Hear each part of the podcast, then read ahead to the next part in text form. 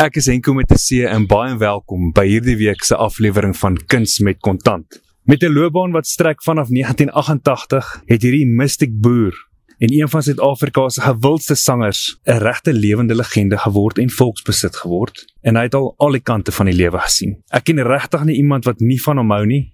Ek persoonlik is mal oor hom. Sy nuwe album is onlangs vrygestel en die inspirasie vir die album is jare se waarneming van mense en plekke en vanmiddag spandeer ons tyd saam hier bymekaar met 'n gitaar en 'n banjo om uit te vind wat Peer Nolte se waarneming van geld in die lewe is. Valiant Swart, baie welkom op Kuns met Kontant. Baie dankie Enko, met 'n C. Dis lekker om met julle te gesels. Valiant, die reis wat ek en jy vandag gehad het in, sal ons sê soos jou liedjie ook sê, die Jacaranda strate tot hier by Fort Klapperkop. Sluit vir my baie mooi aan by jou nuwe album getiteld Rondry fliek en die buitelewe. Hier waar ons nou sit yes. in die buitelewe. Party temas daarin raak aan geluk terwyl ander temas in hierdie album dan aan die moeiliker tye in die lewe ook raak en die moeiliker tye van die lewe ondersoek. Gepraat van die moeiliker tye in die lewe, kom ons skop dan hierdie gesprek eers op 'n swaarder noot af en dan vat ons dit ligter. Die mooiste liedjie vir my wat al ooit geskryf is, is Sonvanger.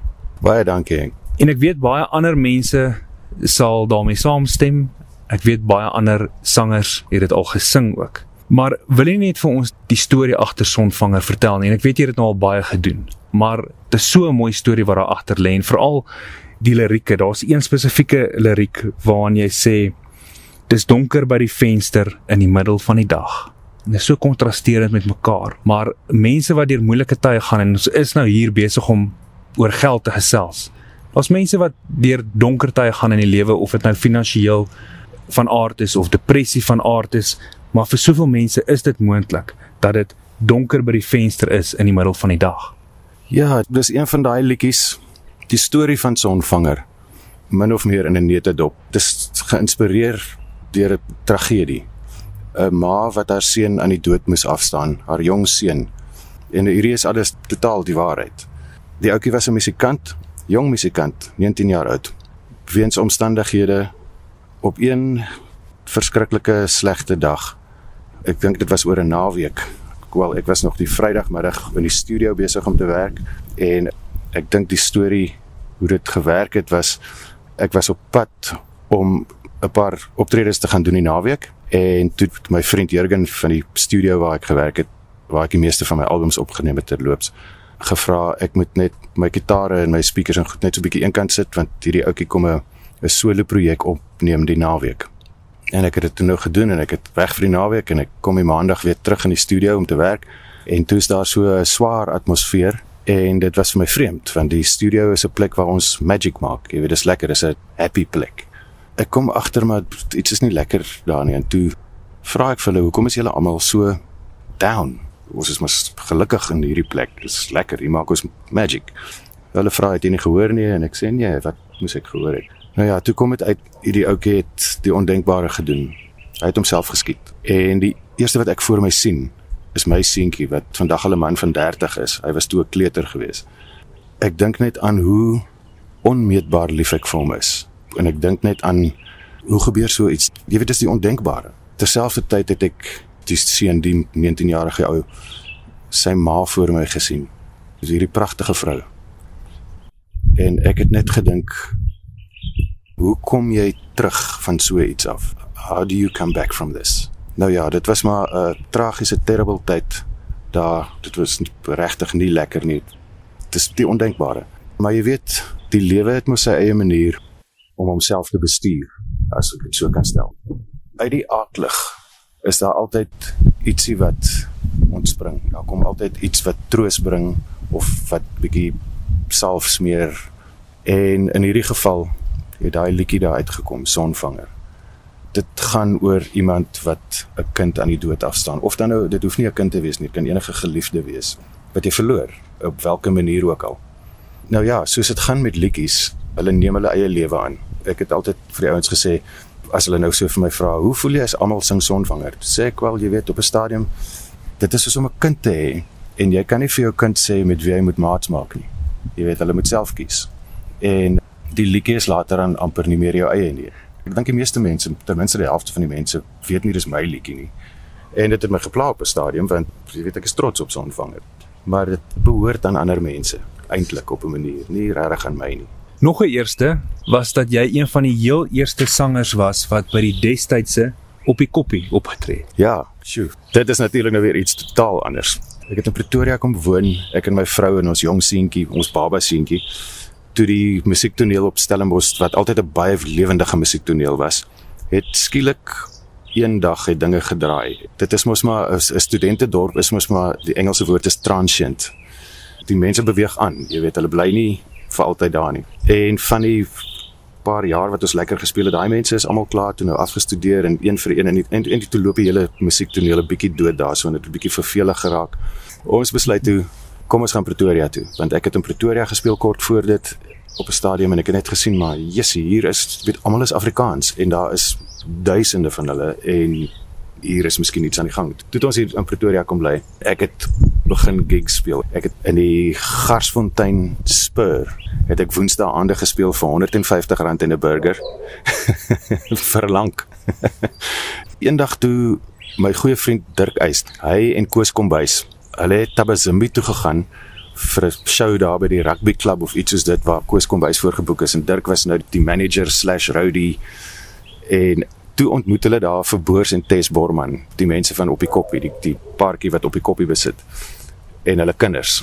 En hulle nooit toe verkoos en Dirk om te kom kuier by hulle op die plaas en Dirk sê maar hoe lyk dit het julle al gehoor van Valiant Swart en wat van ons doen 'n klein rock naweek.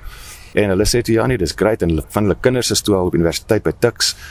Toe ek my oë uitvee, toe is ons op hierdie Bosveld plaas by hierdie fantastiese gasvrye mense wat mal is oor rock and roll en oor Afrikaanse musiek soos wat ek maak en wat Koos maak. My band was die eerste band wat gespeel het by Op die Koppie. En uh, ja, dit is dis vir my nog 'n groot pleintjie dat dis 'n veertjie in my hoed. Jy het al van tevore genoem en gesê dat jou grootste inspirasie vir musiek is van jou pa afkomstig, maar dat jou liefde vir lirieke te danke is aan jou ma wat by jou 'n liefde vir die geskrewe woord gekweek het. Kan jy terugdink aan wat jy dalk by jou pa en jou ma geleer het oor geld en hoe jy vandag oor geld dink? My ouers was staatsamptenare. My hele familie aan my ma se kant in elk geval het vir die staat gewerk. Almal een of ander vlak en een of ander manier en in een of ander pos. My oupa en ouma het 8 kinders gehad. My ma was een van 8 kinders. 7 dogters en een seun. Want ons moes 'n nasie bou, jy weet.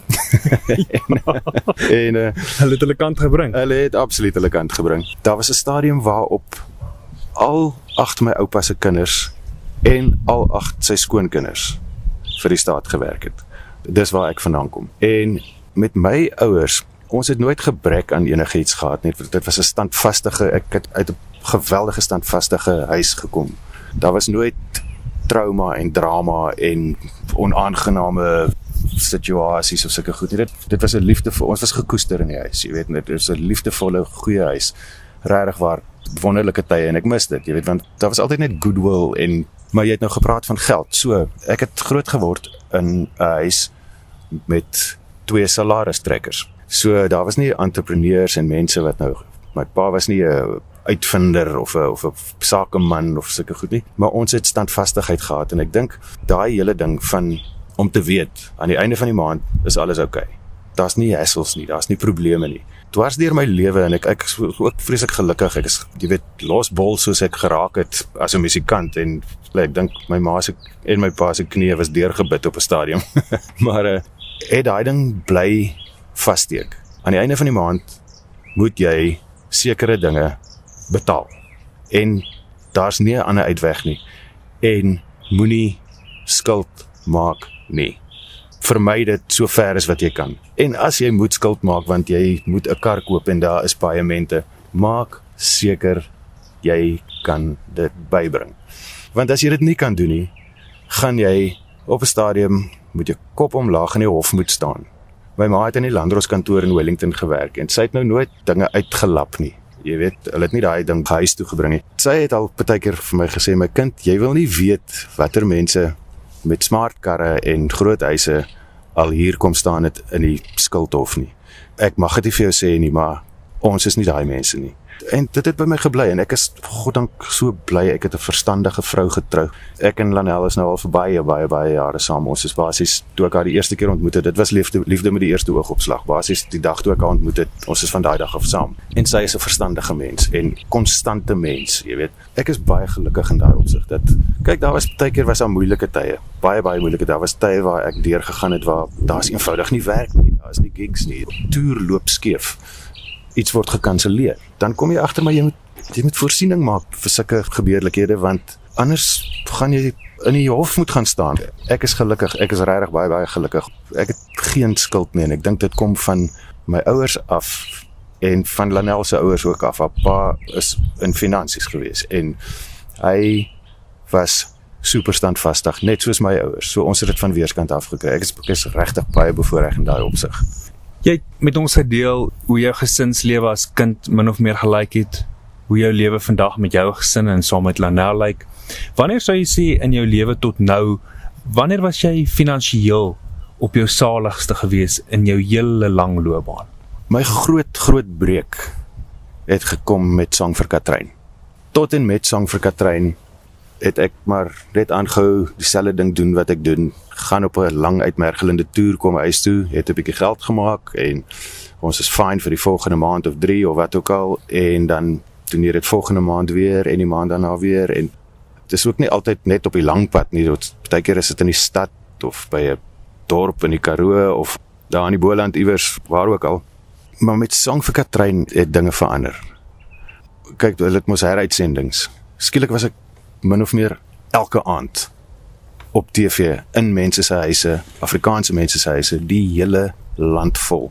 Daar was 'n stadium waar ek regtig nie vir 'n lang tyd in 'n winkelsentrum kon instap nie want dit was net mense het my oorval.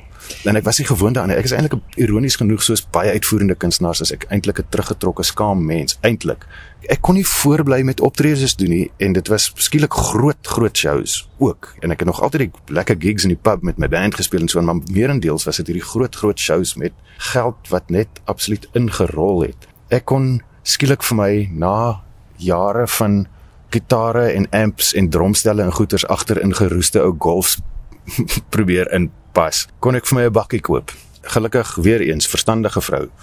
Ons het kort voor dit het ons ons eerste huis gekoop en besluit ons gaan 'n go maak hiervan want ek is toe nou al klaar so 'n bietjie van 'n beter wicket.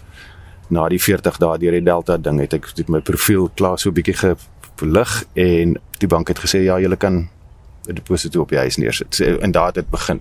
En toe nou met Sang vir Katrein, toe bars die hele ding uit sy naad uit. Ons het later 'n vakansiehuis gehad by die Brede Rivier vir jare en jare en jare tot die kinders het ontgroei het.